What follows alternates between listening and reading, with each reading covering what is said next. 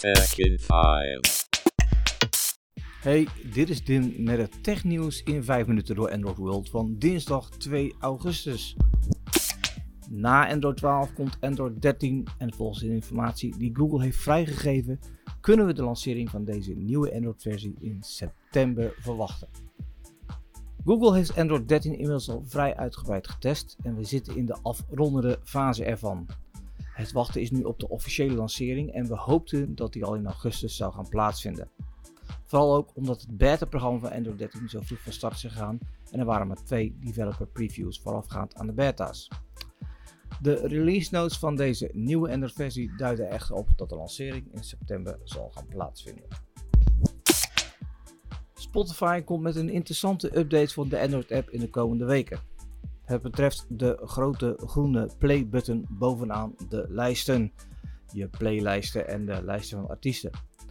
Deze knop is eigenlijk een gecombineerde play-shuffle knop die ervoor zorgt dat de lijst random voor je wordt afgespeeld. Dit vinden veel gebruikers niet leuk, want sommige playlists zijn opgebouwd naar een bepaald idee, van rustige muziek naar iets drukker bijvoorbeeld. Ook artiesten maken hun albums vaak met een verhaallijn. Ga je die door elkaar afspelen, dan klopt dat niet meer. Je gaat een boek ook niet lezen, beginnende met het laatste hoofdstuk. Binnen een paar weken krijgen de apps als Spotify op Android en iOS dan eindelijk een gescheiden play- en shuffle knop waarmee de gebruiker zelf kan kiezen op wat voor manier hij of zij wil luisteren naar een playlist of een album.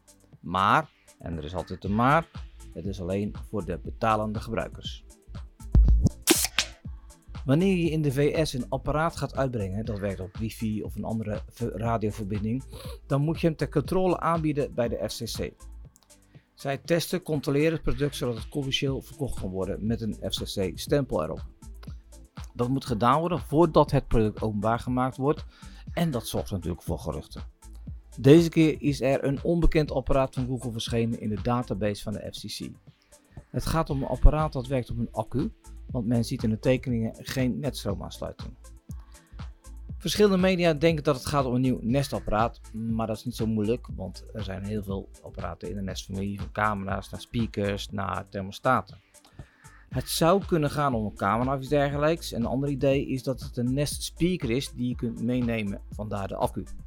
In het najaar zullen we meer weten, want dan gaan we de nieuwe hardware zien van Google. Over Google gesproken, tijdens de Google I.O. lieten ze al wat zien van de nieuwe Pixel toestellen.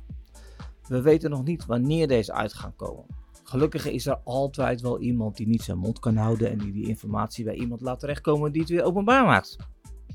Volgens de geruchten zal het Made by Google event op 6 oktober gehouden gaan worden. En dat zal dan ook de dag zijn dat de toestellen als pre-order te koop zullen zijn. En dan hebben we het natuurlijk over de Pixel 7 serie, bestaande uit de normale Pixel 7 en de Pixel 7 Pro.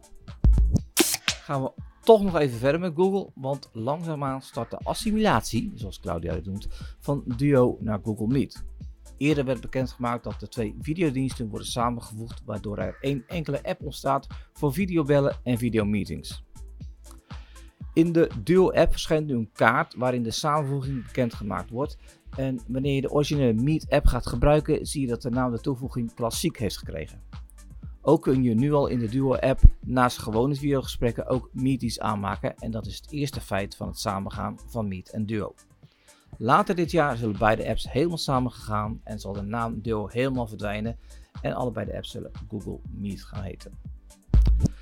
Dat was het weer vandaag. Geniet van de zon en we zien je graag donderdag weer, want woensdag zijn we niet. Laters! Tech in 5.